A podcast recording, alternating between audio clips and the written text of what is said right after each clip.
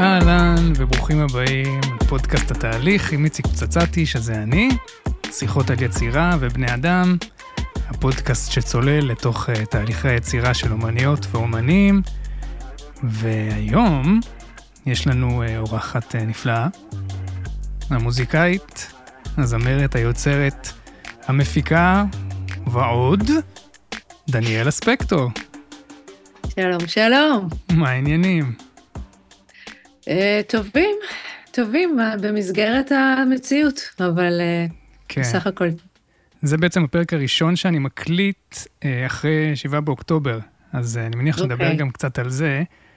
איפה אני תופס אותך? וואו, אתה תופס אותי בסוף יום, כאילו, אני חושבת על הדבר הזה שאתה בתחילת יום ואני בסוף יום, וזה משקף הרבה מה... יש המון מרחק בין המון אנשים, אנשים חווים המון מציאויות מקבילות עכשיו, אז אני, אני חווה, אני היום הייתי עם הילדים הרבה, וגם ניסיתי לעבוד תוך כדי, וגם הקשבתי למיקסים של שירים מהאלבום החדש ש... שאנחנו uh, מתקדמים איתם. אז כזה מין uh, צלחת מלאה מכל הפנים השונות שלי ביום אחד. אז בגלל זה כשהגעתי, כשהגעתי ל, לרגע הזה, אז כזה פתאום לא הייתי בטוחה מי אני ומה אני. כן. טוב, נשמע שהספקת הרבה. uh, כן, למרות שזו תמיד תחושה שאתה לא מספיק כלום. כאילו, אולי בסוף השיחה נגלה אם הספקת או לא. כן. וזה גם, אין לי תחושה אולי שאני הספקתי משהו, כי עוד לא עשיתי היום שום דבר חוץ מלהכין קפה, פחות או יותר. אה, אני כל הזמן חושבת שצריך להאט, צריך להאט, ולהכין קפה זה דבר נפלא. האמת שזה, הנה את שותה תה עכשיו, לא יראו את זה, אבל אני יכול לספר. האמת שזה כבר זה מתקשר למשהו שרציתי לדבר איתך עליו, שהוא סובלנות. אה, ואני אסביר, אני אסביר לך עוד מעט אה, למה אני מתכוון, יכול להיות שאת כבר הולכת עם זה למקומות בראש שלך, אבל לפני. שנגיע לשם, רציתי לשאול אותך שאלה ככה, כדי לפתוח את הפרק הזה. אם את זוכרת, מה הדבר הראשון שיצרת? האמת שכן. כשהייתי אה, ילדה מאוד מאוד קטנה, הייתי מסתובבת בבתים של שכנים ובבית ספר, והיה לי איזה מין עולם כזה מאוד משל עצמי, חולמני שכזה, ומתוך העולם הזה, אז הייתי שרה כל מיני מנגינות וממציאה כל מיני שירים לעצמי, לחלוטין בלי מודעות. יום אחד, השכן, אבא של חברה, אמר לי, מה את שרה? וזה היה הרגע הזה של ה... הלידה של המודעות. Mm, פתאום שאלתי את עצמי, מה אני שרה? ואז אמרתי לו, אה, זה, זה, זה שום דבר, זה שלי, כאילו. זה היה הרגע הראשון שהתודעה התעוררה והסתכלה על עצמה. ואמרה, וואלה, יש פה מנגינה. מעניין. אה, וזה רגע שאני ממש זוכרת. באיזה גיל זה גם- היה? זה היה בגיל אה, שבע, משהו וואו. כזה.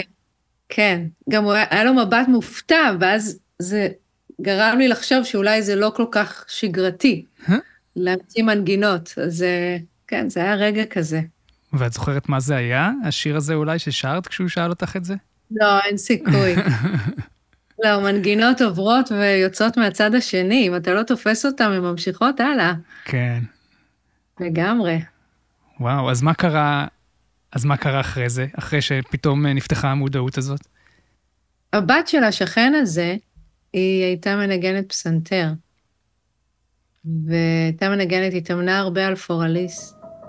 ואני הייתי מאוד מוקסמת מה, מהמהלך ההרמוני הזה, הבנייה הזאת, הארמונות באוויר.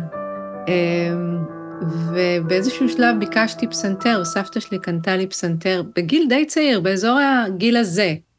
ואז התחלתי ללמוד פסנתר, ובגלל שכל כך, כל כך לא עניין אותי לעשות שיעורי בית, אז בין שיעור לשיעור הייתי יושבת על הפסנתר וממשיכה את אותו טריפ של להמציא מנגינות ולחקור את ה... או נגיד, היה לי, היה לי נגיד uh, ללמוד את השתי תיבות הראשונות בתרגיל, ואז משם לעוף למקום אחר, כן. למדת קלאסי או, או בכללי, כאילו, את הבסיס בתקופה ההיא? למדתי את הבסיס, מה שילדים לומדים. כאילו, זוכרת שלמדתי קצת, קצת ביבופ, קצת באך, קצת כל מיני, אה, כן, יצירות קטנות ל, לילדים. בהמשך אני למדתי יצירה שהולכת איתי עד היום, שהיא נקראת מריונטה, מחיי הכפולים של ורוניק. אתה מכיר את הסרט הזה? לא. יש שם יצירה בלב הסרט, יצירה לפסנתר, שהיא היא פשוט מדהימה, ואימא שלי הייתה במאית בטלוויזיה, והיא הייתה מביאה דיסקים עם, אה, עם פסקולים של סרטים. זה מלחין פולני שאני כרגע לא זוכרת את השם שלו. אז שמעתי את היצירה הזאת בגיל נורא נורא צעיר, והיה איזה מורה לפסנתר שפשוט הלך איתי והוצאנו את היצירה ולמדתי אותה, וזה אולי היצירה השלמה היחידה שלמדתי מההתחלה עד הסוף, היא הולכת איתי עד היום. וואו. יש, יש איזה משהו ש... שזה קצת כמו שני שרירים שונים, אני חושב, אה, השריר של לנגן משהו כתוב שאתה לומד, והשריר של לכתוב משהו ולהמציא משהו. לגמרי. מההתחלה נמשכת לכתיבה, נשמע. כן, עד היום. עד היום זה הר... הרבה יותר מסקרן אותי. אז אם הגענו לשם, לפסנתר, אז מתי התחלת לנגן על עוד כלים? מתי זה התחיל אה, להתרחב? באזור כיתה ז', אני למדתי התחלתי ללמוד גיטרה אצל מאיר, המורה של כולם באזור שלי, ואני זוכרת, למדתי איתו קינג קרימזון. וואו. זה לי את המוח, איך, כן. איך אני אוהב. ופינק פלויד, וכל מיני יצירות ושירים, והוא היה כל כך מגניב, הייתי מאוד מאוהבת בו. ומהר מאוד אה, שכרתי גיטרה חשמלית מכפר סבא, פנדר אה, סקווייר לבנה mm-hmm. ומגבר, ב-100 שקל לחודש, אני זוכרת. וואו. ו... והצטרפתי ללהקה כגיטריסטית. כן, זה, זה היה תקופה של הגיטרה, וגם דיסטורשנים וקרחת, ו... וואו. ונעלי צבא, ו... וזה היה מין להקה כזאת, wannabe של המכשפות, Mm-hmm. וכן, זה היה exploring אחר, ממש. ואם אנחנו שנייה ממשיכים עם, ה, עם הקו הזה, אז מתי הדברים התחברו להם ביחד? מתי גילית את העולם של ההפקה? מה שקרה זה שבאופן כללי לאורך השנים האלה נפל לי האסימון שכל כלי שאני מרימה, גם אם זה כלי שאני לא מכירה אותו, אז הוא, הוא פותח איזה דלת ל... בדרך כלל שיר חדש או, או שפה חדשה, ועשיתי המון, אה, המון אקספרימנטים עם כל מכשיר הקלטה שהגיע לידיי, זאת אומרת, זה היה ווקמן בהתחלה, ואחר כך זה היה מיני דיסק mm-hmm. שאפשר היה להקליט, כן. והייתי עושה כל מיני אקספרימנטים של לשים את המיני דיסק עם טלפון קווי בחדר אחד, ואז ללכת לחדר אחר, להורים שלי היו שני קווים. הייתי מצלצלת, ו... ושר על המיני דיסק מהטלפון. עושה כל מיני דברים. וואו. ומקליטה את הפסנתר ושירה, והיו לי, לי המון, אה, לא יודעת איך קוראים לזה, מיני דיסקים כאלה. כן, אני גם הייתי במיני דיסק, הייתי, זה היה רגע קצר בהיסטוריה. כן. אז, אה, אז שם זה התחיל לדעתי, העניין הזה שבכלל ההקלטה זה מרחב יצירה בפני עצמו, זה לאו דווקא מרחב, מרחב שהוא תיעוד של הנגינה החיה, אלא שהוא מין מקום שאפשר לפסל בו ב, בזמן ובמרחב ובסאונד, mm-hmm. וליצור דמויות, להרחיב את, ה, את הקול שלי ואת את הצלילים בעולם, וזה העיף לי את המוח, זה פתח לי משהו מטורף, ואז אז uh, הזמנתי ספר, באינטרנט של Cubase. פשוט ישבתי שנה עם Cubase ולמדתי אותה עמוד אחר עמוד, וואו. בספר פיזי. וזו הייתה תקופה כל כך יצירתית וכל כך מגניבה, ועשיתי כל מיני דברים, זאת אומרת, המרחב של השיר נפרץ לחלוטין, עשיתי סיפורים ופסקולים לסיפורים, וכל מיני חקירה של גם איך להקליט אקוסטית מדהים, וגם uh, כל מיני שירים שיצאו שם. זה היה מגניב. כמה מבחינת זמן זה היה רחוק מהאלבום הראשון? זה היה באזור גיל 20 ו... 23, והאלבום הראשון יצא בגיל 27. אוקיי. Okay. אז uh, התחיל שם איזשהו פיצול שאני, שלא הצלחתי להבין אותו, שמצד אחד אני הקמתי להקה, והופעתי גם לבד וגם עם להקה, ועם להקה אתה עובד בצורה מאוד מסוימת, עם נגנים, ויש מנעד מסוים של כלים, וגם יש ידיים אחרות, וכל אחד עושה את מה שהוא יודע, והשירים הולכים למקום הזה. מצד שני, אני חווה בבית איזה מין לונה פארק מטורף של אקספרימנטים ושל תלת-מימדיות של, אה, של הפקה, שאני לא הצלחתי להבין מה הקשר בין הדברים. כן. ואני זיהיתי את עצמי עם הפיסול הזה בסאונד. כאילו היה משהו ב, בלהקה שהיה נורא סטנדרטי. Mm. זה נורא נשמע כמו דברים אחרים. Mm-hmm. אז היה שם איזה רגע, אחרי שהקלטנו איפי e כלהקה, ממש זמן קצר אחרי ההשקה של האיפי בתיאטרון תמונה. כמובן. אמרתי להם, חבר'ה, אני מצטערת, אני מתפטרת. ועזבתי, והלכתי לחדר. אני זוכר שהקשבתי לפודקאסט של שיר אחד על, אה, על כל הדברים, כן. יפים באמת, אה, ו, ודיברת שם על הרצון שלך לעשות את האלבום הראשון נורא נורא בעצמך. נורא, כן. נורא לבד. אני מניח שזה המשך ישיר של מה שסיפרת עכשיו. לגמרי. היו שם, היו שם כמה ערוצי מחשבה. אחד, החוויה של לפגוש מוזיקאים אחרים הייתה חוויה מצד אחד מאוד מאוד טובה, מצד שני, אני מיד אה, איבדתי את הגבול ביני לבינם, והזהות של המוזיקה, אני לא הצלחתי ל- ללכוד אותה. כשיש סביבי אנשים אחרים שמביאים את הצבע שלהם ואת השפה שלהם. ורציתי לבודד את זה, ממש, לבודד ולהבין מה השפה שלי ומה... והייתה לי תחושה כזאת של... ש... שזה הרגע שלי לתת לעצמי את ההזדמנות הזאת. Mm. שאף אחד אחר לא ייתן לי את ההזדמנות הזאת, ו... ושאני צריכה לעשות את זה. אז זו הייתה מעבדה כזאת מאוד סטרילית בהקשר הזה. החוק היה, מה שאת יכולה לעשות לבד, תעשי, ורק כשאת חייבת, תפני למקור חיצוני. Mm-hmm. וזה לא מתוך איזה נרקסיזם, זה לא מהמקום הזה. זה ממקום שבא לאלץ אותי לחלץ את השפה מתוך עצמי. ו- וזה באמת היה מגניב. זה ממש מעניין, כי הרבה פעמים זה באמת התפקיד של מפיק. כלומר, כשאתה עובד עם אומן, כן. אתה אמור לעזור לו לחלץ, או להביא את עצמו הכי טוב, לפחות בעיניי. ואז עשית את זה לעצמך בעצם. זה מאוד משתנה, זה מאוד משתנה ממפיק למפיק, אני חושבת. Mm. לא? אה, אני מניח שכן. לא, בשבילי, אז בואי נגיד את זה ככה, בשבילי המטרה שלי היא לעזור, ברור שאתה, שאתה משפיע מאוד, כי אתה, הכל עובר דרך כן. הפילטר שלך כ, כבן אדם וכמישהו עם, עם טעם מסוים, אבל בעיניי זה לעזור לאומן להבין מה הוא רוצה להגיד ואיך הוא אומר את זה בצורה שהכי אותנטית לו. נכון. ו- ונראה, ש- נשמע שאת עשית את זה לעצמך, שזה דבר די קשה לעשות. אה, נכון, זה גם, אתה יודע, היום אני מעבירה סדנאות לכתיבת שירים, mm-hmm. ואני מדברת עם התלמידים על העניין הזה של המגבלה.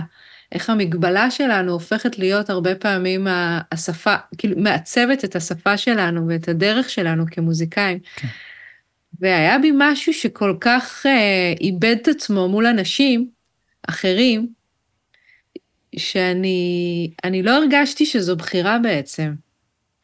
הרגשתי שהדרך שלי לזהות את הקול האותנטי שלי זה רק כשאני לבד. Mm.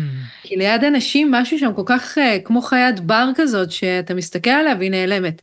כאילו משהו כל כך התחבא בתוך היער, שאני לא הצלחתי להבין איפה אני נגמרת ואיפה בן אדם מתחיל. Mm. וזה עשה לי הקלה להסתגר. תראה, היו שם, זה היה באמת שלוש שנים של דרך חתחתים, אבל זה עיצב אותי כ...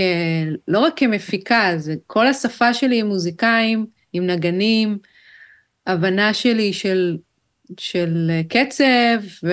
ובאס ועיבודים, עבדתי על עיבודים של כלי קשת וכלי נשיפה, ו... זו הייתה חוויה, זה היה בית ספר ממש ממש חזק, וגם לדבר הזה של להתחיל פרויקט ולסיים אותו. Mm, כי זו הייתה, זו הייתה התחייבות פנימית שהיא מאוד הקשתה עליי, כי היו רגעים שממש איבדתי את הדרך. mm. אבל זה היה סוג של תנאי. וואו. זה אתגר די כן. גדול. לקחת על זה, עצמך. זה כמו אלה שמספרים שהם יוצאים לים עם הסירה. לבד, לחצות ה- את ההודי. כן, ואז עושים עליהם סרט, וכן. בדיוק.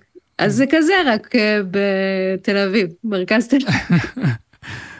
ויש, אבל באלבום הראשון יש, יש גם נגנים, יש אנשים ש, שלקחו חלק, אז איך, איך זה לגמרי, קרה, ואיך. איך ניהלת את הדינמיקה הזאת?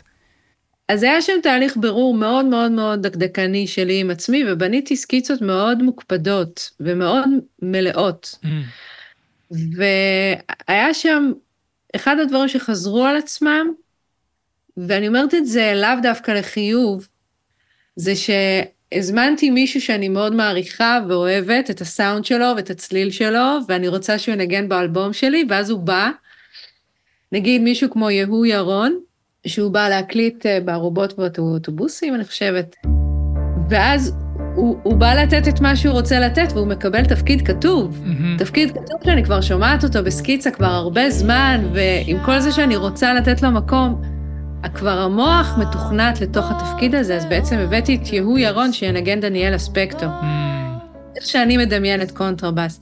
והיה שם איזושהי צביטה, שראיתי שאני מפספסת הזדמנות למפגש, אבל לא היה לי את היכולת אז, אה, את המקום, את האמון בתהליך, לעשות באמת מקום לנגן שנמצא מולי. וואו.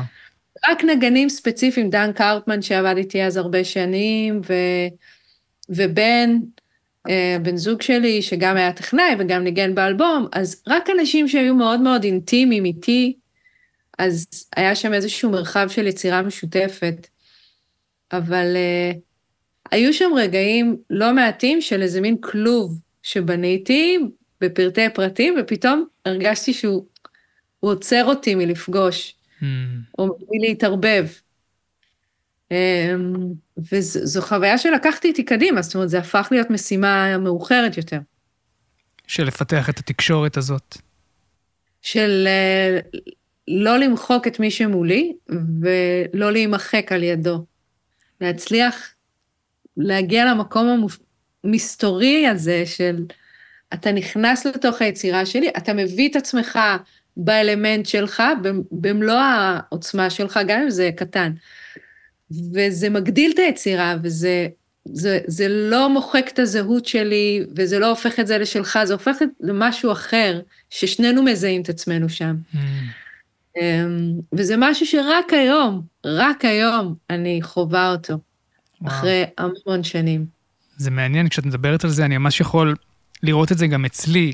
כלומר, שלקח לי המון המון זמן להיות מסוגל, או להצליח לתת לבן אדם, נגיד לנגן, את כן. המקום הכי להתבטא ש- שאפשר, שאני יכול לתת לו, כן, ועדיין להוציא ממנו את מה שאני צריך, מה שאני רוצה. אה, כן. וזה משהו, זה, זה tricky. זה, זה, כי זה... זה... וואו, זה סוד החיים.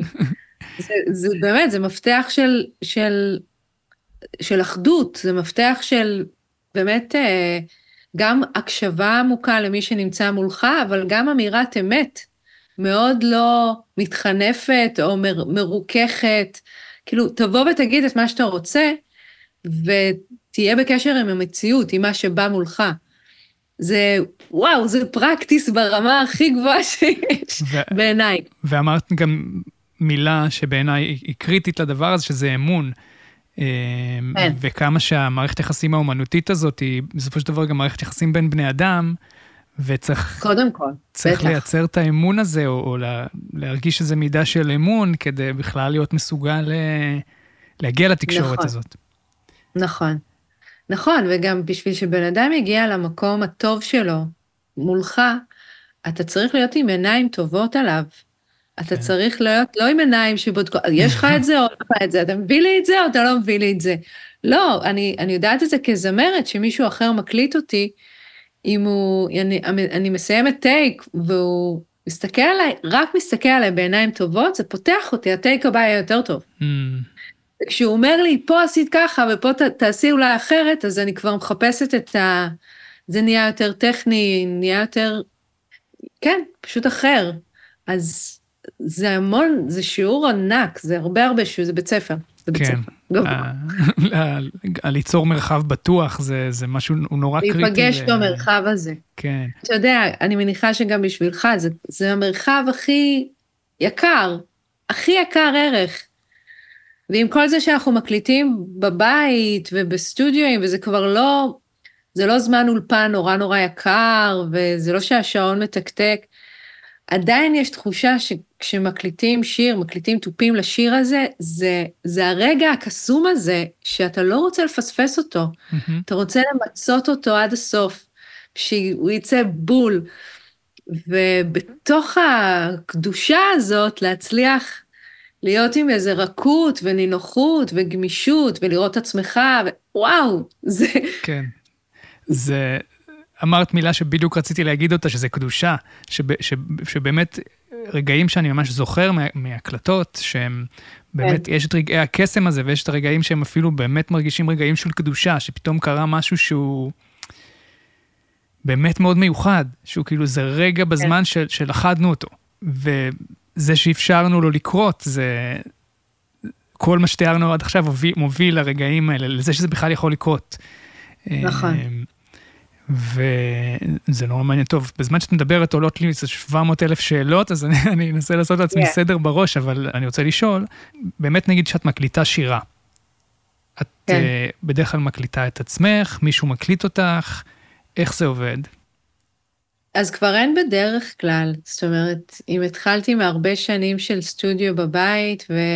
והיה לי, רק אני מקליטה את עצמי, ובן הקליט אותי, והייתה לי איזה מין סיטואציה כזאת גם נורא שמורה ואינטימית, עם מיקרופון מסוים, אז הילדים הגיעו וזה עשה לי מכונת כביסה מהחיים, זה זרק אותי החוצה. גם החוצה מהסטודיו, כי הסטודיו בבית, ופתאום בשביל להקליט אז אני צריכה ללכת למקום אחר, או כל מיני סיטואציות שהן אה, לא נוחות במרכאות כפולות, אבל פשוט הם שיבשו לי את, ה, את הבועה הזאת שיצרתי לעצמי, ואז התחלתי לחוות כל מיני חוויות, זאת אומרת, מלהקליט לבד בסטודיו של חברה, אה, עד ל, ל, לעבוד עם מפיקים, התחלתי לעבוד עם מפיקים שונים, שהם לא אני או בן, ואז להקליט עם כל מיני אנשים שונים, שאני זוכרת שהחוויה הראשונית הייתה, הייתה מין אינטימיות אה, מוגזמת עם אנשים שאני לא לגמרי באינטימיות איתם.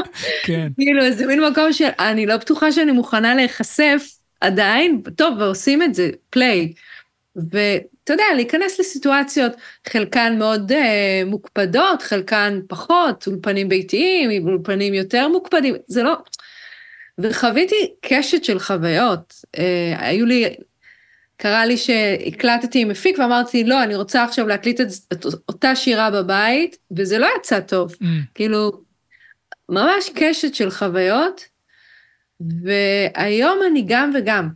אני מקליטה מעט בבית ובלילה, mm, ואז אני נכנסת לאיזה מין מחילת ארנבת כזאתי, שבצד השני אני יוצאת, ו- ויש כזה מין גם מרקם כזה של טייקים של שירות וקולות וכל מיני רעיונות שהרבה פעמים אני לא מקליטה ליניארי. אני, אני באמצע part מסוים פתאום פונה לקולות ולמלודיות שאני שומעת בשירה, ואז ממשיכה. ומצד שני אני מקליטה עם אלון לוטרינגר, אנחנו עובדים על אלבום, ואני מקליטה אצלו בסטודיו, והוא מוביל אותי, וכבר יש לנו system, ואם דיברת על אמון, יש שם המון אמון, ואז יוצא ממני טייקים שאני מאוד מאוד אוהבת, שאני מרגישה שאולי אפילו הכי אוהבת, הכי טובים שהיו לי. וואו.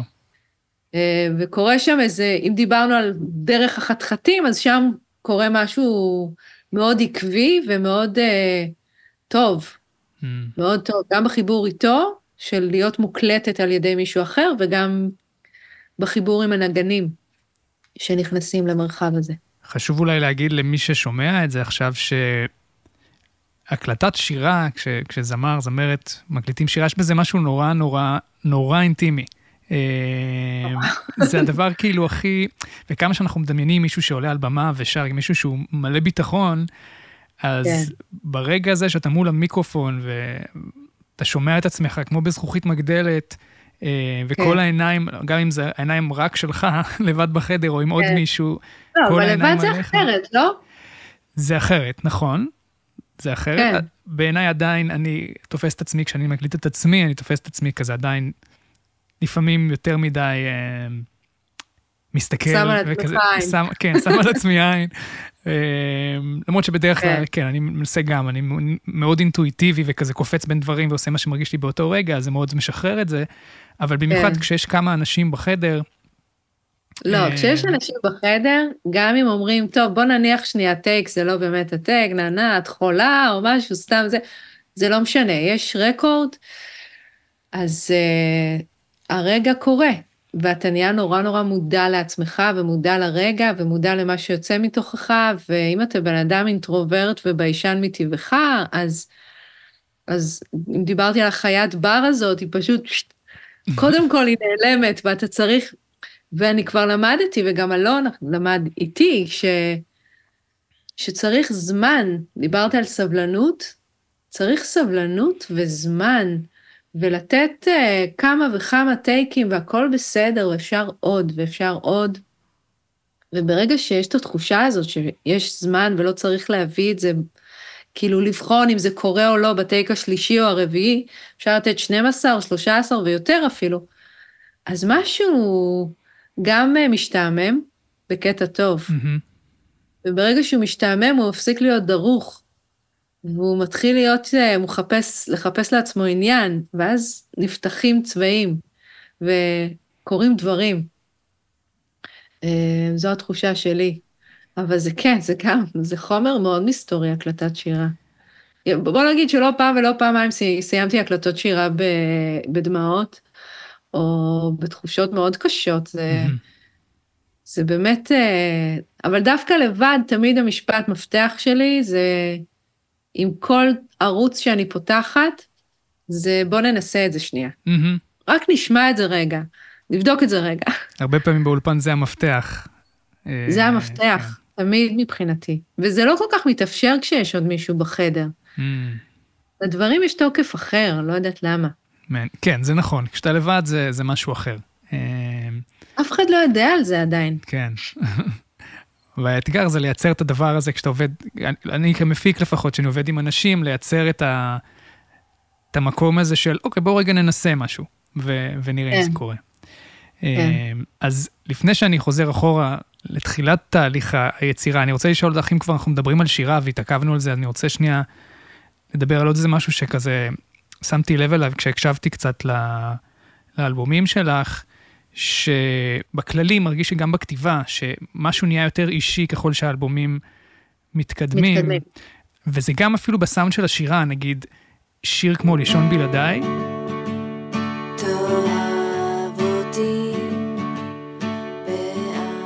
הקשבתי לו, ו- ו- ואולי זה השיר עם המילים הכי ישירות, כאילו, באלבום הזה. אה, הכי נכון. כאילו אמיתיות מהחיים. אז ליתר ביטחון עשיתי שם הכפלת שירה, בדיוק. כדי שזה לא יהיה too much. כן, זה, זה, השירה בעצם... זה ממש. בעצם אה, למאזינים שלא בקיאים במונחים, השירה היא מוכפלת שם, כלומר שאת שרה בעצם פעמיים את אותו דבר. בעצם יש שני קולות שלך ביחד ששרים, זה יוצר איזה קצת מין אפקט כזה, שהרבה נכון. פעמים מאוד מרגש בפני עצמו, אבל הוא גם מייצר קצת איזשהו ריחוק. בחוץ אנחנו ביחד. אה, נכון. בין ה... בין הוא ה... בעצם, את כל הדינמיקות הקטנות של שירה, שאתה שומע את, בנשימות ובעליות ובירידות, זה טיפה משטיח את זה, וזה הופך את זה באמת קצת, קצת כמו על מסך כזה. כן. וזה היה אמצעי הגנה מול החשיפה של השיר. כן.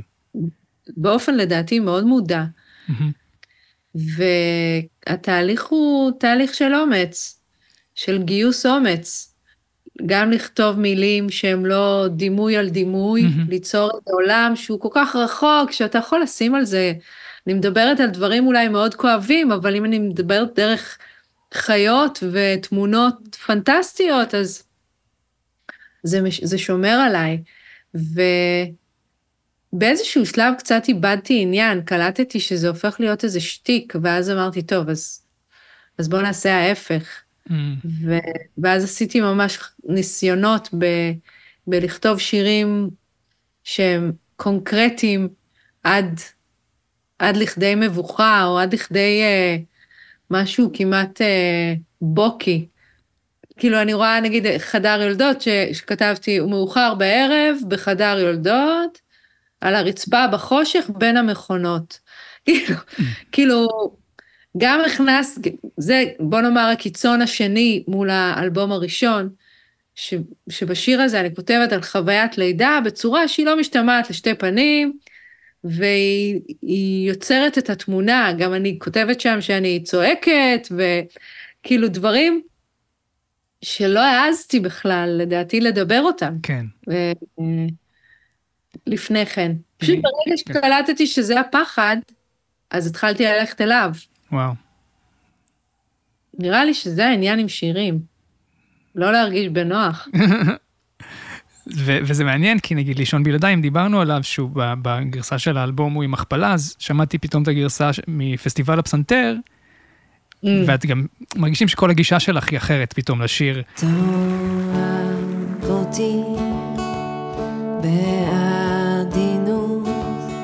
נכון. ואז באמת אם שמעתי את זה, לי כמישהו שמתעסק בדברים האלה, פתאום נורא שמתי לב להכפלה הזאת בשיר, ואז כן. כששמעתי את האלבום שאחרי, ואני שומע שירים כמו לוויתן ובאונקולוגית, ו...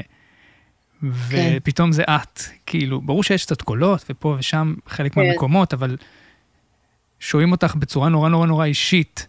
גם יש שם איזשהו תהליך, כאילו, מההיבט של סאונד והפקה, כי עדיין הייתי בשליטה, אז אני ממש יכולה להגיד, אתה יודע, גם מבחינת ה-EQ של השירה, uh, התדרים של השירה באלבום הראשון, אני עבדתי תמיד, צמצמתי את זה, חתכתי את כל הנמוכים, זה משהו נורא נורא קטן ומאוד מטופל. וככל שהתקדמתי עם האלבומים, אז גם התדרים הלכו והתרחבו, והרשיתי לעצמי להיות אישיות אמיתית, mm-hmm. לא רובוטית, וגם הטיפול של ה... של תיקוני pitch ותיקוני quantize וכל הדבר הזה, עם השנים הלך, כאילו זה, זה כמו איזה מין אחיזה נורא נורא חזקה, שהיא גם, יש שם איזושהי אג'נדה אסתטית, יש שם אהבה ל, ל, לדברים שהם מאוד אה, אלקטרוניים ופופיים, ו... אבל גם יש שם מאחורי זה פחד, פשוט פחד. להיות בן אדם, להיות בן אדם בעולם. וככל שאלבומים מתקדמים, השירה הופכת להיות יותר ויותר אנושית, וגם הנגינה, היא הולכת ומשתחררת. Mm. עכשיו, כל השנים האלה במקביל, אני, אני בערך, אני לא, לא זוכרת באיזה גיל, באזור גיל 30 ו... 30 או 31, אז, אז יצאתי לסיבוב סולו שלא נגמר בעצם עד היום. הופעתי, אני לא יודעת כמה פעמים, בכל הארץ. זה ה-go-to הטבעי שלי לאורך כל השנה, אני עושה מופעי סולו בכל מקום, במות גדולות, במות קטנות, לצד הופעות להקה. Mm-hmm. אבל הופעות סולו לימדו אותי כל כך הרבה על כוח של שיר ועל כוח של שירה ונגינה ואנושיות ומשהו שהוא הכי רחוק מה, מהרובוטיות הזאת, מה... לא רובוטיות, אבל מקום שהוא קצת שואף להיות אה, פורצלן. כן, זה גם, זה גם מתחבר לי ל... אולי גם באלבום הראשון יש קצת יותר צבעי קול שונים. את משתמשת בכל מיני אה, צבעי קול אה, שהם כאילו לא בדיוק הקול הטבעי שלך, כמו שאת מדברת, את משתמשת בזה בצורה כן. אומנותית. אה, כן. כמו בהירושימה או בכל מיני כן. שירים כאלה, שזה גם יוצר איזשהו אפקט כזה.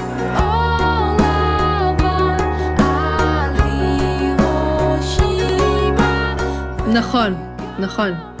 אחד הדברים שהכי אומרים לי אחרי הופעות, בטח בשנים הראשונות, זה, וואו, זה נשמע, את נשמעת אחרת לגמרי mm. מאיך שזה, מהשיר שאני מכיר, ו, אמ, וזה פער שאני לא, הבנ, לא הבנתי איך לגשר עליו. לא הבנתי אותו. אבל זה באמת עם השנים הלך ו... והתחבר.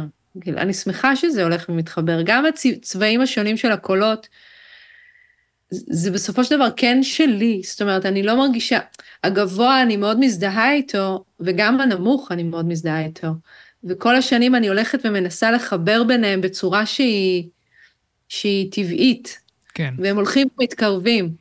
וגם הדבר הזה של לשמור על מימד אומנותי ועדיין להביא נגינה שהיא, שהיא אמיתית, שהיא חיה, שהיא, שהיא, שאתה מרגיש את הידיים ואת הגוף ואת הבן אדם. זה בעיניי, זה מה שעושה לי את זה במוזיקה. כן, במיוחד במוזיקה. אולי הטעם שלי השתנה גם, אני לא יודעת. מאוד יכול להיות. אני חושב שגם בעולם של היום, ההפקה מאוד משחקת על הבלנס הזה בין כן. שלמות לחוסר שלמות. ל, ל, ל, היום יש, במיוחד בפופ, יש, יש over שלמות הרבה פעמים, שהרגיל כן. את האוזן שלנו גם למשהו אחר, ואז יש גם כמו תנועת נגד שהיא כאילו אנטי שלמות, שהכל עוד, נכון. עוד יותר מכורה, ו, ו, ו, ואז אתה כל הזמן משחק בתוך הבלנס בין הדברים האלה, ומנסה להגיד, אוקיי, כן. אבל רגע, וגם מה, מה פשוט אותנטי למי שאני. אה, נכון. וזה הרבה דברים ל...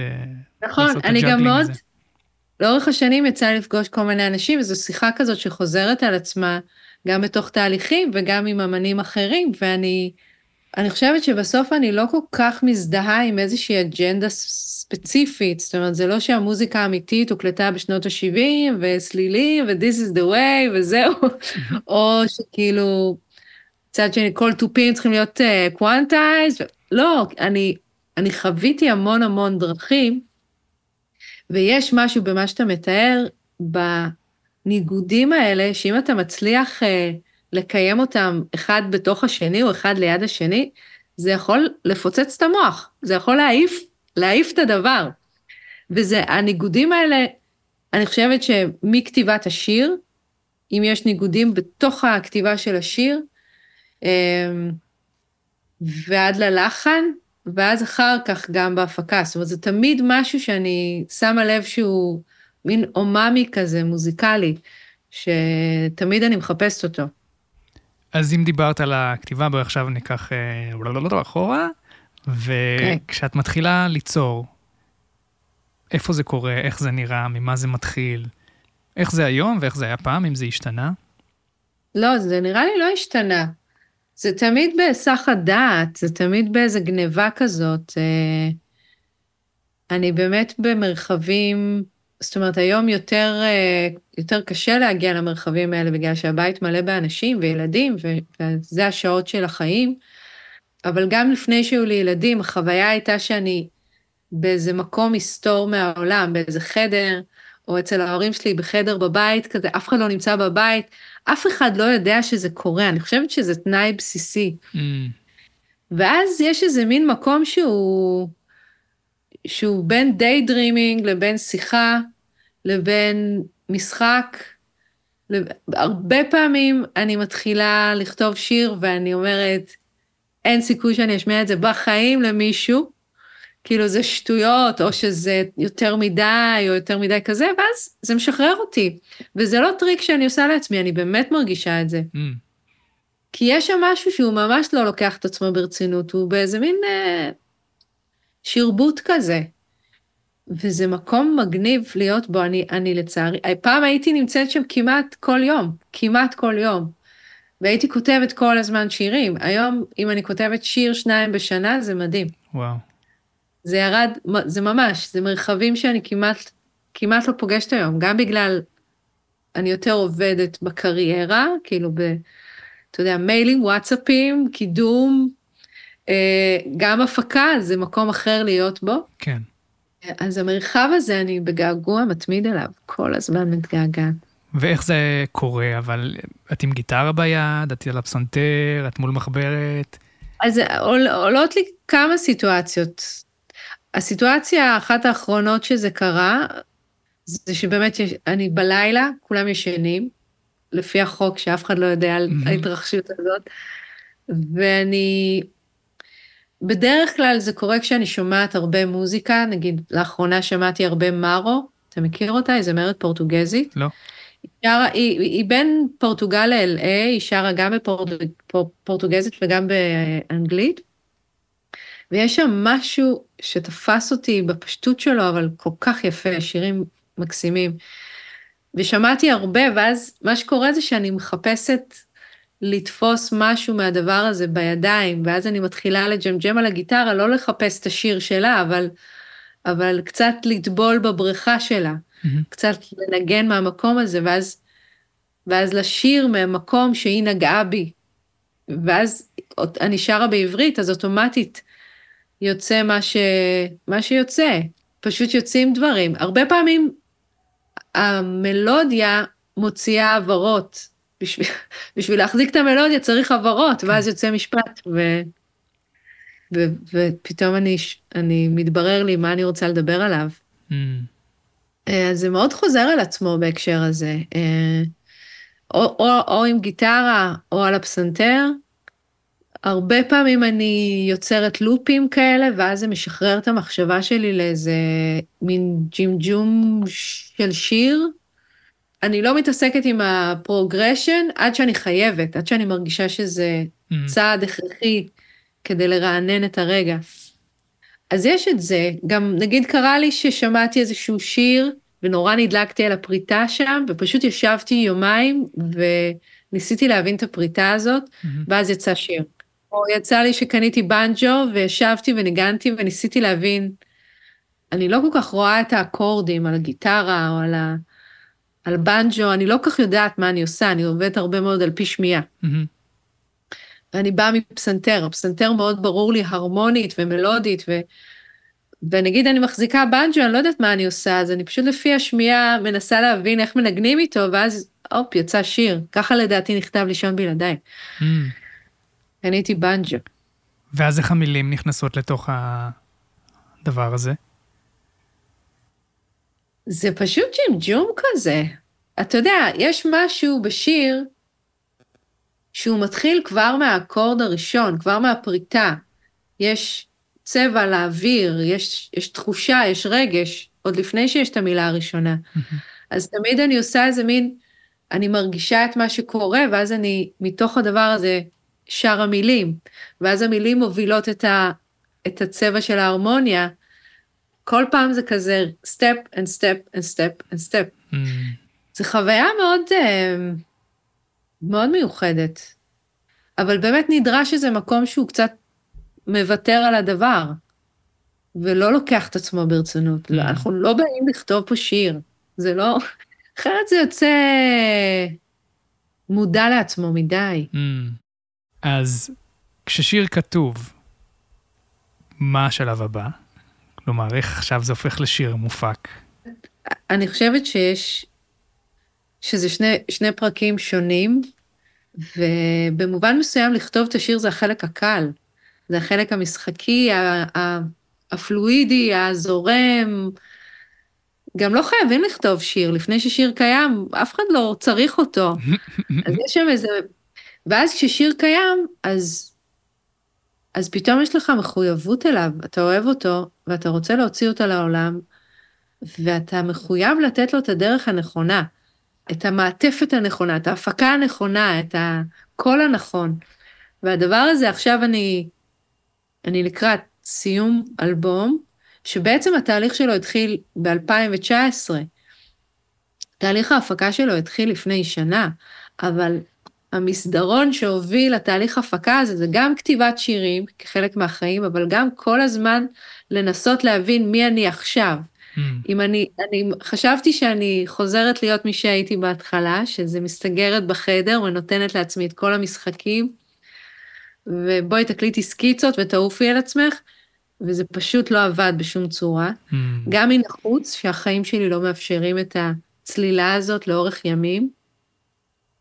וגם פשוט זה לא קרה, הקלטתי 12 סקיצות לשיר אחד, וניסיתי המון המון אופנים שונים, וזה לא קרה באף אחד מהדברים. היה שם המון המון מאמץ, והמון רצון להיות משהו שאני כבר לא.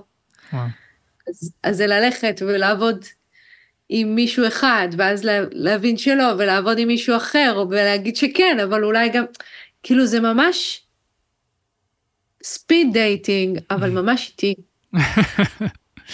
ממש איטי. slow speed dating.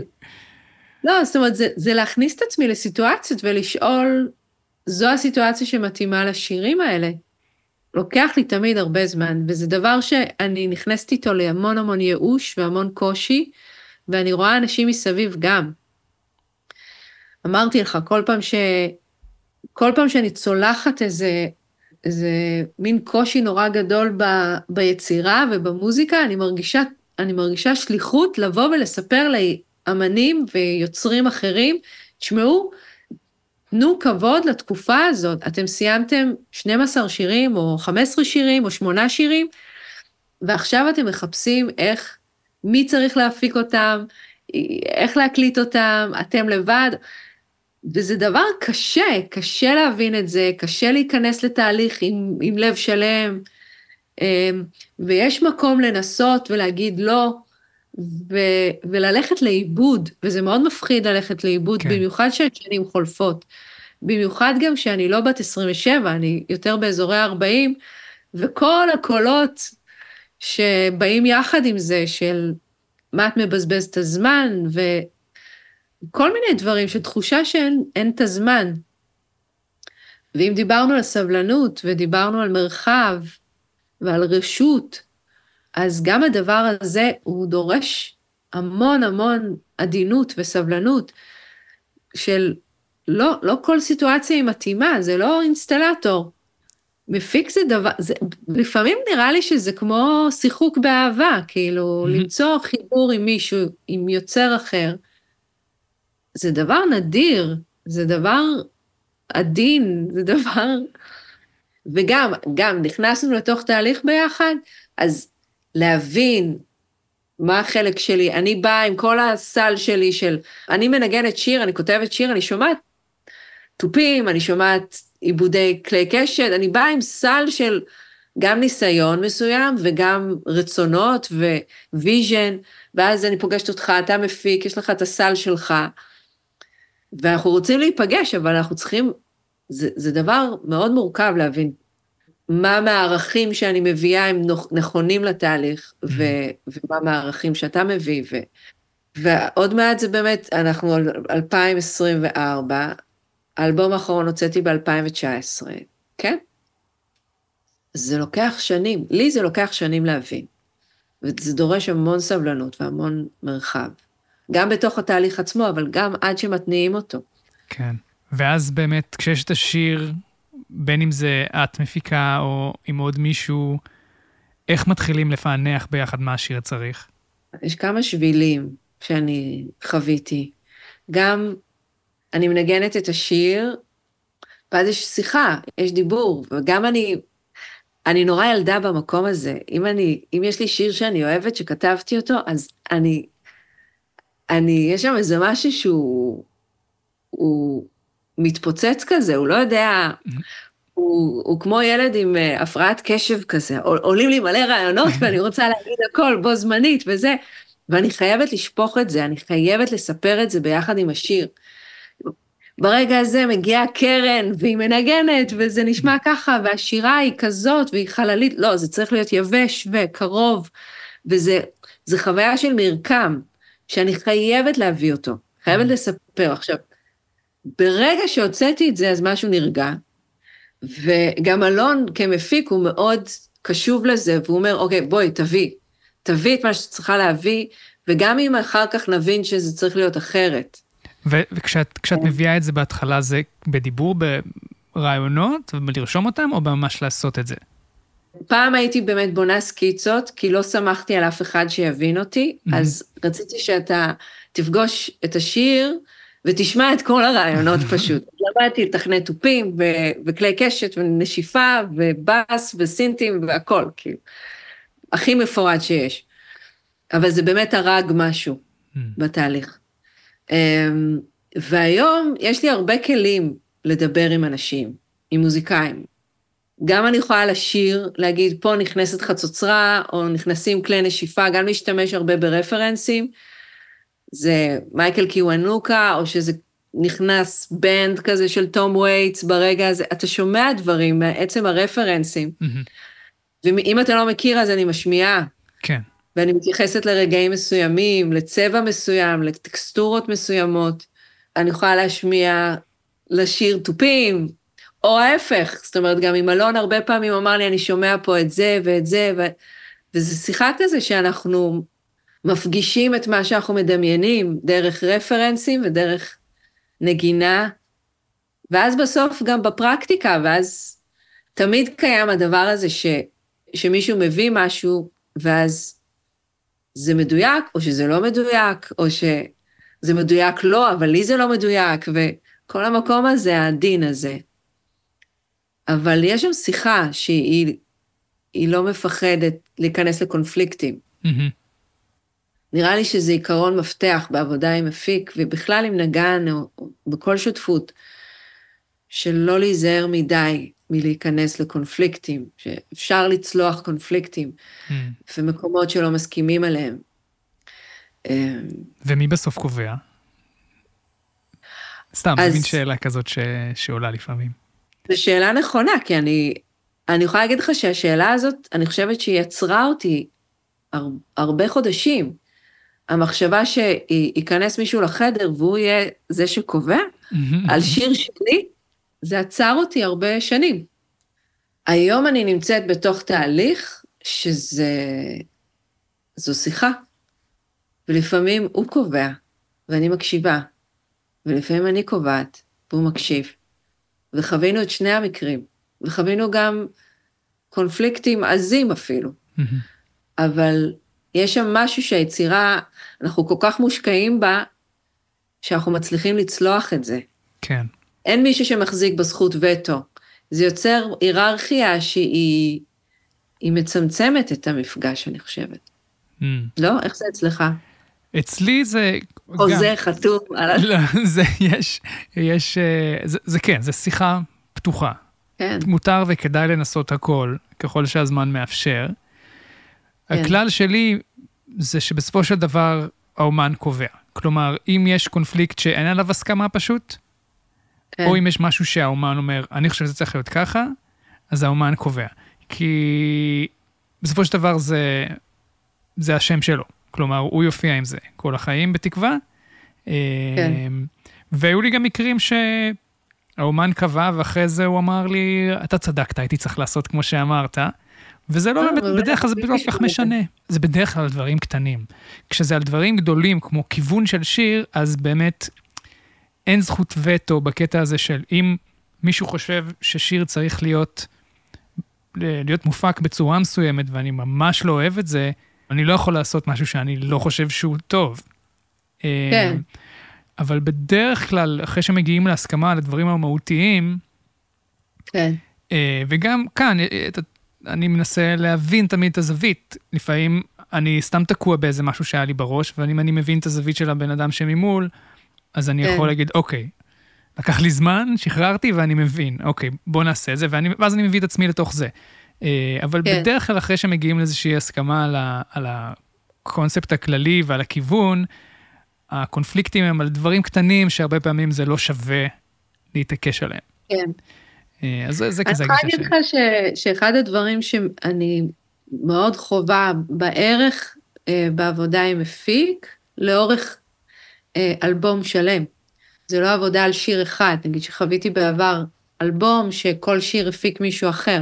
פה יש איזו דרך שאחת הנטיות שלי זה זה כל הזמן לשבור, להגיד, רגע, אולי ה-BPM יותר מדי איטי, בואו נמהר אותו. רגע, אחרי, הקלטנו, אולי הסולם בכל זאת, חצי טון למטה.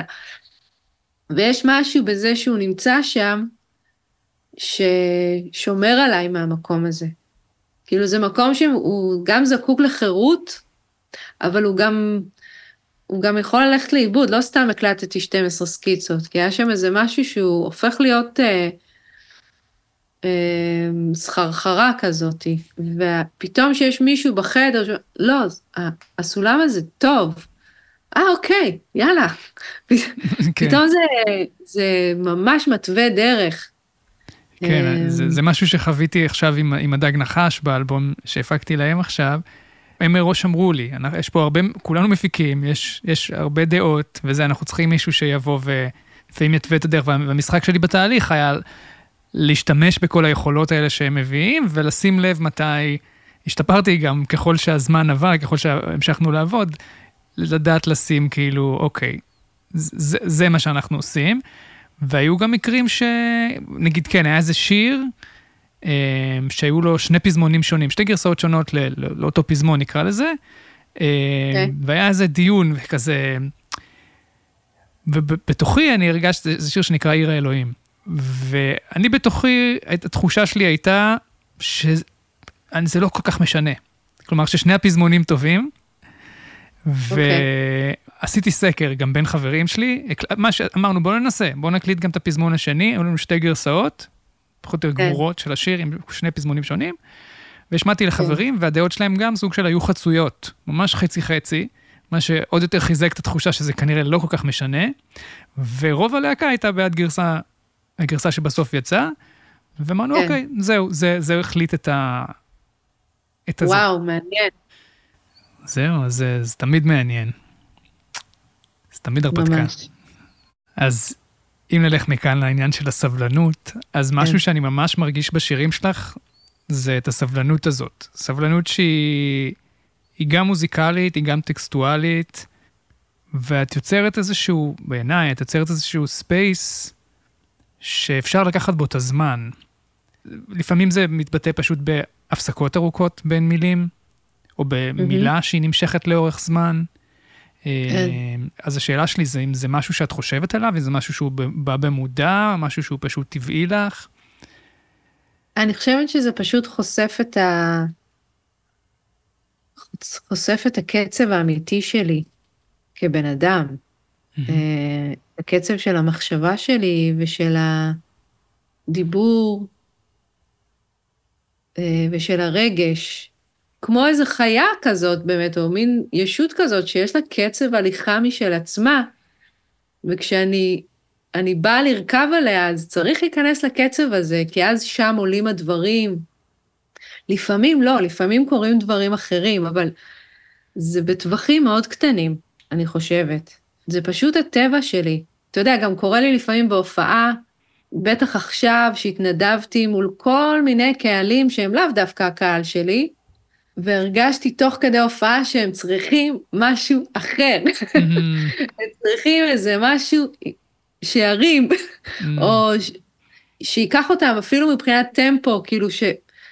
וזה מין הכרה כזאת, ש... this is it, זה מה שיש לי לתת, זו השפה שלי, זה... זו היצירה, היא שקטה, היא מאורהרת, היא פונה פנימה, זה הדבר שלה, ולמדתי לכבד את זה עם השנים. מדהים. זה, כי, כי באמת זה משהו שהוא, אני חושב שהוא לא... בטח אם דיברנו על העולם של היום במוזיקה, זה, זה משהו שהוא יחסית נדיר בעיניי. וואלה. הסבלנות הזאת, שהמילים לא דחוסות אחת בתוך השנייה, שיש פתאום, כן, נותנים לאקורד הזה להדהד, כמו שתיארת קודם. אתה מדבר, אתה מזכיר לי את העריכה הזאת בטיק טוק ובאינסטגרם, שעורכים את כל הרווחים בין המשפטים. כן. כן, זה משהו כבר כן. תרבותי, כאילו אוניברסלי כבר, נראה לי, ב- ב- בכל העולם. נכון. שמרגיל אותנו להיות אה, באיזשהו אטרף כזה. אה, כן. שבשירים שלך אני מרגיש שהוא כזה מתפייד. כן, זה גם היה איזה מקום מפלט, אני חושבת, עד היום, של מול הקצב של החיים והתגובתיות, הדבר הזה שאתה יוצא, אתה יוצא ופוגש אנשים, אפילו אנשים קרובים אליך, אתה נמצא כל הזמן בתגובתיות, אתה צריך, אתה צריך להיות שם, והדבר הזה מגיל מאוד מאוד צעיר, היה לי, היה לי קשה, היה לי מעמסה, והיה משהו בנסיגה לחדר וביצירת מרחב, זה היה יצירת מרחב שההגדרה שלו היא, לחזור לאיזה קצב פרטי. וזה משהו שאני מאוד מכבדת אותו עד היום, למרות שאני בקריירה, ואני רוצה את השיר שייכנס לרדיו, ואני רוצה את זה, אבל המקום הזה הוא, אני יודעת שאם אני אחבל, אחבל בו, או, או אלחיץ אותו, אז זה פשוט יהרוס לי את כל הכיף. Mm. עכשיו, זה לא אומר שאני חייבת לעשות שירים איטיים או מאורהרים, זאת אומרת, יכולים להיות גם שירים יותר upbeat, אבל uh, הרוח הזאת, שהפאוזה היא מגיעה מתוך המוזיקה, היא לא בחירה טכנית של בוא נוריד או נשאיר, היא באה מתוך חוויה של מוזיקה. אה, והפריסה של המילים, או מה שקורה, זה קורה מתוך משהו שהוא כל כך אה, שלם וטבעי, שאני נוטה לכבד אותו.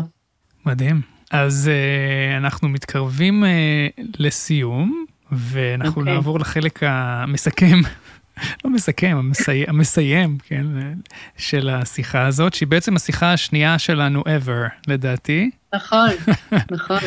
הפעם הראשונה תפסתי איתך טרמפ בחזרה, נדמה לי מאינדי נגב או משהו כזה. לא, זה היה מעשן הזמן באר שבע. אשכרה, אה, נכון, כן. נכון. כאילו נראה לי, אני לא יודעת אם אני הופעתי או שאני הופעתי לא רחוק, ובאתי לשם, מיכל אותן הופיעה. נכון, הגנתי עם מיכל, והייתי צריך אה, טרמפ. והיה לנו אחלה שיחה, כן, כן, אני זוכרת את הערב הזה. זהו, גם אני. אז, אה, אז זה ההמשך שלה די הרבה שנים אחר כך. ממש. שיחה שבה אני מתחקר אותך יותר אה, משיחה נורמלית, אבל, אבל עדיין. נראה לי אז אני ראיינתי אותך. יכול להיות, כן, יכול להיות. אז חלק המסיים של השיחה זה חלק כזה שבו אני אגיד איזושהי מילה, okay. אוקיי. ואז נדבר עליה, מה שזה אומר לך. אוקיי. Okay. אז נתחיל עם המילה קהילה. וואו, קהילה? לא יודע, זה מה שבא לי. תראה, אני מאלה שתמיד uh, בחדר מלא אנשים יעמדו בצד, בתור המתבונן על, ואני בדרך כלל אהיה מקשיבה יותר ממובילה את, ה, את הדיבור. אז תמיד בעניין של קהילה או של קבוצה, אני תפסתי את עצמי כלוויין. ואני חושבת שיש משהו בשנים האחרונות, ובמיוחד בחודשים האחרונים, שגם ההדהוד של המוזיקה שהיא נכתבה מתוך הלבד הזה חוזר אליי וקושר אותי לאנשים אחרים. זאת אומרת, רציתי לגעת באחרים ו- ולהרגיש ביחד, וזה מתחיל, הפירות חוזרים אליי, ואנשים מספרים לי שזה נגע בהם, ו- ופתאום יש חוויה שגם, נגיד, עכשיו שיש המון כאב ו- ואיזה חוסר אונים, אז פתאום החוויה שיש לי מה לתת לאנשים, ושאני רוצה לתת ואני רוצה להיות חלק מהקהילה ולכאוב ביחד ואולי לנסות להקל במשהו, אז זה משהו שהבשלתי אליו, הגעתי לשם. זה מקום שאני אני מבקרת בו, אני מנסה אותו, גם בתור אימא אני יותר שם, מטבע הדברים, וזה מקום שאני אני עוד מנסחת אותו. ואיך באמת אני... אה, בחודשים האחרונים האלה, מבחינת היצירה, איפה זה שם אותך? אני לא כותבת. אני רק, אני כותבת uh, לעצמי. אני כל יום כותבת uh, כתיבת רצף, ואני באיזה מין שיחה עם עצמי, שזה שומר על איזה קשר פשוט. עם מקומות שאני לא נמצאת בקשר איתם במהלך היום-יום. אבל לקחת גיטרה ולשיר זה... אתמול, האמת, התיישבתי על הפסנתר, פעם ראשונה שהתחלתי לכתוב שיר, וזה גם, זה לא היה התחלתי לכתוב שיר, פשוט, אני פשוט מדברת לעצמי דרך מנגינה, וזו הייתה פעם ראשונה שעשיתי את זה. עד, עד אותו רגע זה הכל הרגיש לי יותר מדי פצוע. כאילו, זה לא הזמן לחרוזים, זה הזמן ל... לחיבוקים ו... ולהיות בהקשבה, או לא יודעת, בעיבוד. כן. והמפגש עם אנשים, עם השירים, איך הוא מרגיש עכשיו? אז חוויתי כל מיני דברים, אבל בעיקר, בעיקר חוויתי המון הוקרת תודה על המרחב הזה שאני יוצרת, בשירים ובהופעה, שאנשים ממש נחו בתוך המרחב הזה ויכלו לתת לרגשות שלהם לצאת בצורה שהיא בטוחה עבורם. כי יש לזה איזה גבולות אה, ואיזה מקום, גם עם חמלה וגם עם, אה, עם איזושהי, איזשהו חיבור, גם בהופעות יש המון חיבור לקהל. עם השנים הגעתי למקום שאני מאוד מקבלת את עצמי על הבמה. זאת אומרת, כמובן שיש רגעים קשים, אבל העיקרון שמלווה אותי זה איזה מין קבלה עמוקה של כל מה שמתרחש. Mm. ואני חושבת שזה זה מעבר לשירים ולתכנים שלהם, זה יוצר משהו גם עבור הקהל של זה בסדר, זה פשוט בסדר, כאילו בואו נהיה רגע. כן. ועכשיו זה התעצם נורא, כי אנשים, או שהם בתזזית, או שהם שבורים, או שהם בנתק, או שהם בקיפאון, אתה יודע, ופתאום יש איזה מרחב שהוא, יש שם תנועה של מוזיקה, אבל לא יודעת, משהו בריא. מאוד הרגיש לי טוב, וגם נתן המון משמעות לעשייה. כאילו זה מעבר לכמה כרטיסים מכרתי, ואתה mm. יודע, המרוץ הרגיל שהיינו בו, ופתאום זה, אה, יש מוזיקה שמלווה אנשים, והיא נותנת להם משמעות, ונותנת מילים לכאב שלהם, לחוויה שלהם. זה דבר גדול, זה דבר משמעותי. מדהים. מרגש לשמוע. כן, לגמרי. אוקיי, אז נעבור ל... למילה אחרת. comfort zone, קצת דיברנו על זה אני חושב, אבל אולי נרחיב על זה טיפה. כן. תשמע, אני אוהבת. אני אוהבת comfort zone, מאוד אוהבת. אני מאוד אוהבת לדעת בדיוק מה אני מביאה לשיר, לבמה. אני אוהבת, אני לא אוהבת אה, להפתיע את עצמי. כאילו לנסות דברים חדשים על הבמה, זה תמיד מכניס אותי למתח, אבל מול הדבר הזה יש כוח נגדי שאני חייבת אותו. אחרת כל העסק יירדם ויקרוס לתוך עצמו. אם אנחנו נותנים לעצמנו, גם באולפן, גם בכתיבת שירים, אם אנחנו מרגישים באמת יותר מדי בנוח, אז uh, אנחנו בדרך הלא נכונה לדעתי. לדעתי זה סימן טוב לדרך לא טובה. זה מעניין, כי כשתיארת את התהליך שלך בין נגיד האלבומים, אז דווקא זה נשמע שמאוד אה, הוצאת את עצמך מהקומפורט זון, אולי, לא, אולי מחוסר ברירה אפילו, אבל גם בתקשורת כן. מול נגנים, גם בכתיבה ובתכנים. כן. גם בטייקים שהורד... עכשיו, לאחרונה, אתה יודע, בחודשים האחרונים הורדתי טייקים שיצאתי מהם באיזה מין תחושה לא נוחה, שלא הייתי פרפקט ולא יצא לי פיקס ולא יצא מה שרציתי להיות. ואז חזרתי אחרי שבוע או שבועיים וישבתי והקשבתי ושמעתי מה הדבר הזה הוליד ועפתי על זה. Mm. עם החריקות וה... whatever, כל מה שיצא שם. אז זה משחק כזה שאני חושבת, לפחות הטבע שלי הוא כזה שהוא כל הזמן צריך בסיס רחב ומקום בטוח כדי להיפתח, כדי להתחיל מלא להיות alert. אבל אז הקוטב השני שחייב לקחת אותי לטיול כדי לעורר אותי, אמ, ואני כן עושה דברים ספונטניים בהופעה. לפעמים אני עושה את זה אפילו באופן מכוון, mm. כדי לחבר את הסיטואציה לרגע, כדי ליצור משהו שהוא מסוכן. כן. הסכנה הזאת מעוררת את הגוף ואת הקהל ואת כל, כל, כל ההתרחשות. וזה גם באולפן, וזה גם בשירים, כאילו, אתה יודע, שעשיתי את בהתחלה, ואז התחלתי, הלכתי, נסעתי להופעות סולו בכל מיני מקומות, ו... ואז עשיתי ניסויים של לבוא ולשיר את השיר הזה מול אנשים, וגברים ונשים שאני לא מכירה. זו הייתה חוויה מסוכנת, חוויה של אולי זה יהיה אוקוורד, אולי זה יהיה, אולי לא, אולי לא יבינו אותי, אולי זה יהיה מביך, כאילו. וראיתי אנשים זזים בחוסר נוחות, והיה בזה משהו מדליק. Mm-hmm. זה היה מדליק. אני קיצוני בקטע הזה בהופעות, ולפעמים גם באולפן של ליצור את, ה, את הסכנות האלה, כאילו את המקומות הלא כן. ידועים, וזה מעניין, כי בחיים אני הרבה פעמים מאוד לא ככה.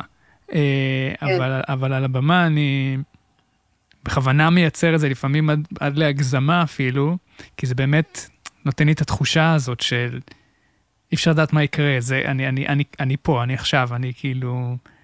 כן, זה מדליק. זה מיומנות, לשהות במקום הזה וליהנות מזה.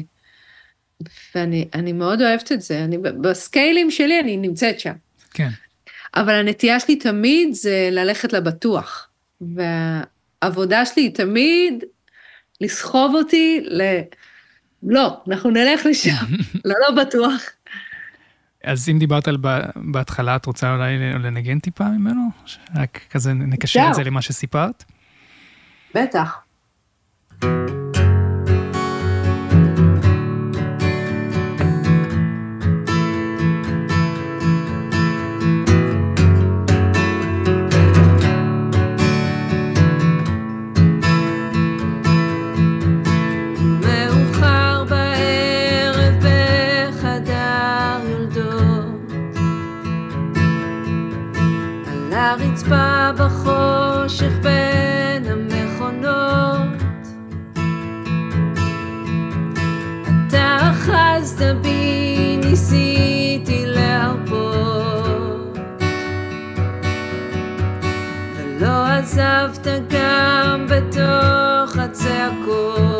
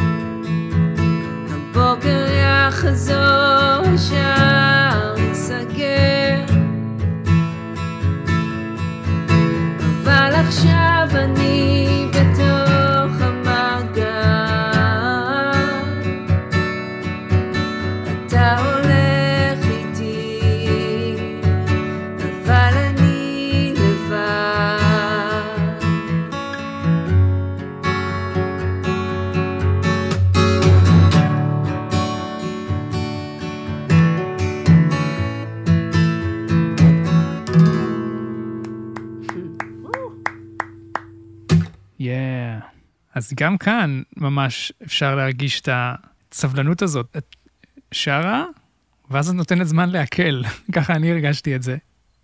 כזה, כן. ל... אתה מכניסה אותי לסיטואציה, ואז נותנת לי ל... להיות בה. זה קורה מעצמו, אני, אני יכולה להסביר את זה בהרבה אופנים. בסוף, זה איך שאני חווה את הרגע. אני כמו מספרת לעצמי סיפור, ואז נדרש שם איזה רגע, אני לא יודעת. כן. קורה מעצמו. אז נלך למילה אחרונה, אה, הקשבה. בזמן האחרון אני חוויתי כמה סשנים, שהיה לי קול בתוכי, זה היה סשן עם אלון כמפיק ועם אה, נגן. היה לנו סשן נגיד עם אמיר ברסלר, מתופף, וישבתי שם והיה לי קול שאמר, אתה יודע, אני נורא מתרגשת, אני שומעת את השיר מקבל ביט וזה עף לי המוח ובא לי להגיד מלא דברים, תעשה ככה, לא ככה, ופה זה, ופה זה, ואני אומרת לעצמי, פשוט תקשיבי, תקשיבי.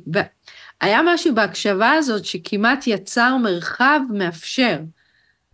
והדברים קרו מעצמם, הייתה שיחה שהיא לא נבעה ממני, אני לא הובלתי את הסיטואציה, אלון כמפיק וברסלר כנגן, והיה שם משהו מתוך ההקשבה שלי, אפשרה הקשבה יותר טובה שלהם לשיר.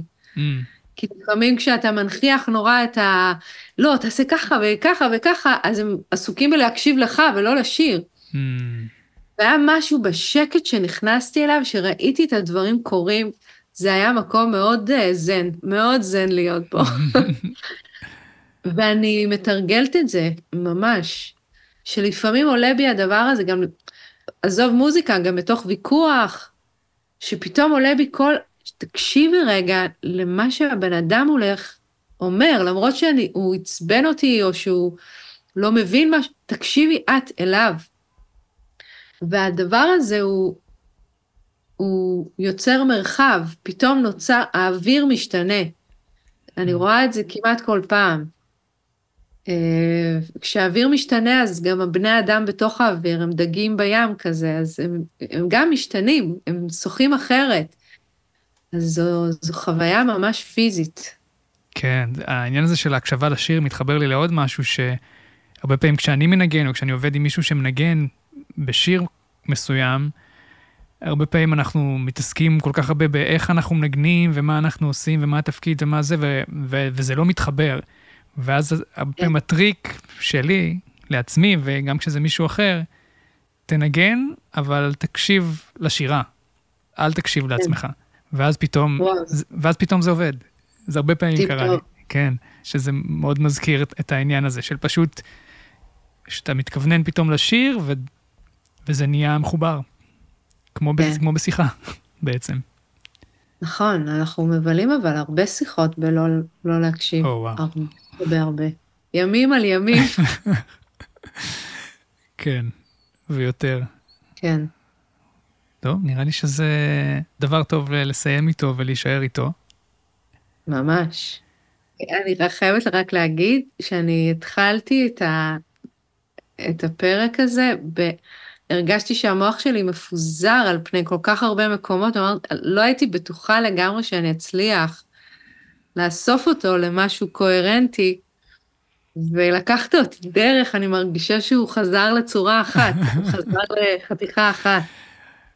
אז תודה. תודה לך, היה לי מאוד כיף להקשיב. היה לי כיף לדבר. וללמוד. ויאללה, עכשיו מאזינים יקרים, לכו ותקשיבו לכל השירים והאלבומים שדיברנו עליהם בפרק ותחוו את הדברים האלה גם בעצמכם. ועד הפעם הבאה.